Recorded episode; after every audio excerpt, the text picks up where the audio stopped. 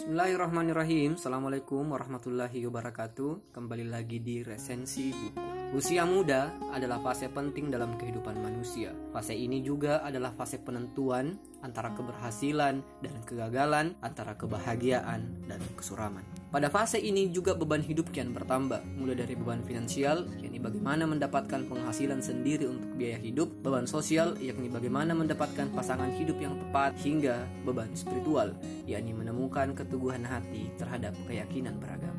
Tiga beban itu menurut kami adalah sebab dari kegelisahan hidup seorang pemuda. Buku yang berjudul Keluar dari Kemelut Menuju Kebahagiaan yang ditulis oleh Ayatullah Ja'far Subhani dan Himman Sahrarpur mencoba memberikan 10 langkah jitu bagi pemuda untuk keluar dari kemelut kegelisahan menuju kebahagiaan. Namun, perlu digarisbawahi bahwa yang ingin kita capai adalah kebahagiaan, bukan sekedar kesenangan. Olehnya itu, di awal penting untuk menunjukkan perbedaan antara keduanya. Kata mula sadra, senang adalah eksistensi yang berubah-ubah, sedangkan bahagia adalah eksistensi yang tetap. Artinya, bahwa senang bersifat sementara sedangkan bahagia bersifat abadi. Senang hanya berkaitan dengan kegembiraan material seperti mendapatkan gaji, istri cantik, dan sejenisnya, sedangkan bahagia adalah kegembiraan rohani yang tidak hanya dirasakan nikmatnya di dunia, tapi juga di akhirat. Yuk, kita mulai. Inilah 10 langkah keluar dari kemelut menuju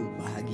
Pertama, menemukan talenta. Dahulu, Galileo dipaksa oleh ayahnya untuk menjadi seorang dokter dan ia gagal. Kemudian, Galileo memilih mendalami dunia astronomi. Itulah yang membuat ia terkenal hari ini. Namun, sukses tidak cukup hanya dengan menemukan bakat pada diri. Terus melatih kemampuan adalah syarat yang mutlak. Kedua, kerja dan usaha. Bakat akan sia-sia tanpa usaha dan kerja. Alexander Hamilton pernah ditanya, "Bagaimana caramu menjadi seorang yang jenius?" Ia menjawab, "Saya tidak mengenal apa itu jenius. Yang saya kenal adalah usaha dan kerja keras. Berikutnya, sabar dan istiqomah. Sabar tidak sinonim dengan pendiam ya, itu pengertian yang salah. Sabar adalah keteguhan jiwa untuk menyelesaikan masalah internal dan eksternal untuk mencapai tujuan. Hanya dengan sabar dan istiqomah atau konsisten bergerak pada rel tujuan, seorang pejalan akan sampai kepada tujuan. Langkah keempat, teratur dan disiplin. Ketika Sayyidina Ali sekarat, beliau berpesan kepada anaknya Hasan dan Husain, "Wahai anakku,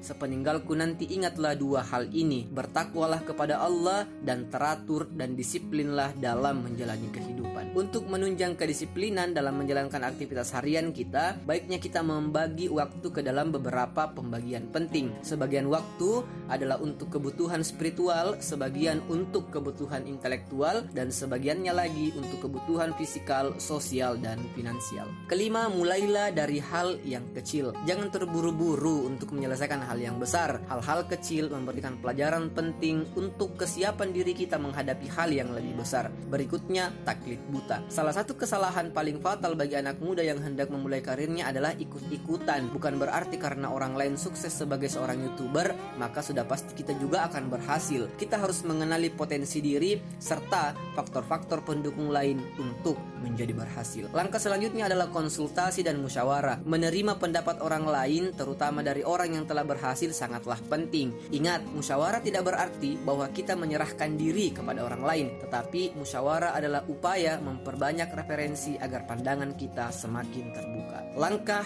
kedelapan memanfaatkan peluang. Kata Syedina Ali, manusia merasa kehilangan nilai masa muda dan kesehatan ketika telah melewati keduanya. Rasulullah Shallallahu Alaihi Wasallam juga pernah memberikan nasihat kepada sahabatnya bernama Abu Zar. Beliau bersabda, tahuilah nilai masa mudamu sebelum tiba masa tuamu. Nasihat para manusia suci di atas adalah dalil betapa berharganya usia muda kita. Kesembilan, keberanian dan kesetiaan. Keberanian tanpa kesetiaan sama buruknya dengan orang setia tapi pengecut. Orang-orang seperti Imam Khomeini, pencetus revolusi Iran, Imam Husain dalam tragedi Karbala, Wiji Tukul, dan Munir di Indonesia adalah contoh atas keberanian dan kesetiaan terhadap tujuan. Yang terakhir, selaras dalam tindakan. Konsep yang matang tidaklah cukup, pun bekerja secara membabi buta juga tidaklah efisien. Banyak di antara kita yang menyepelekan hal-hal aksidental seperti tampilan dan hanya berfokus kepada substansi saja. Keselarasan antara keduanya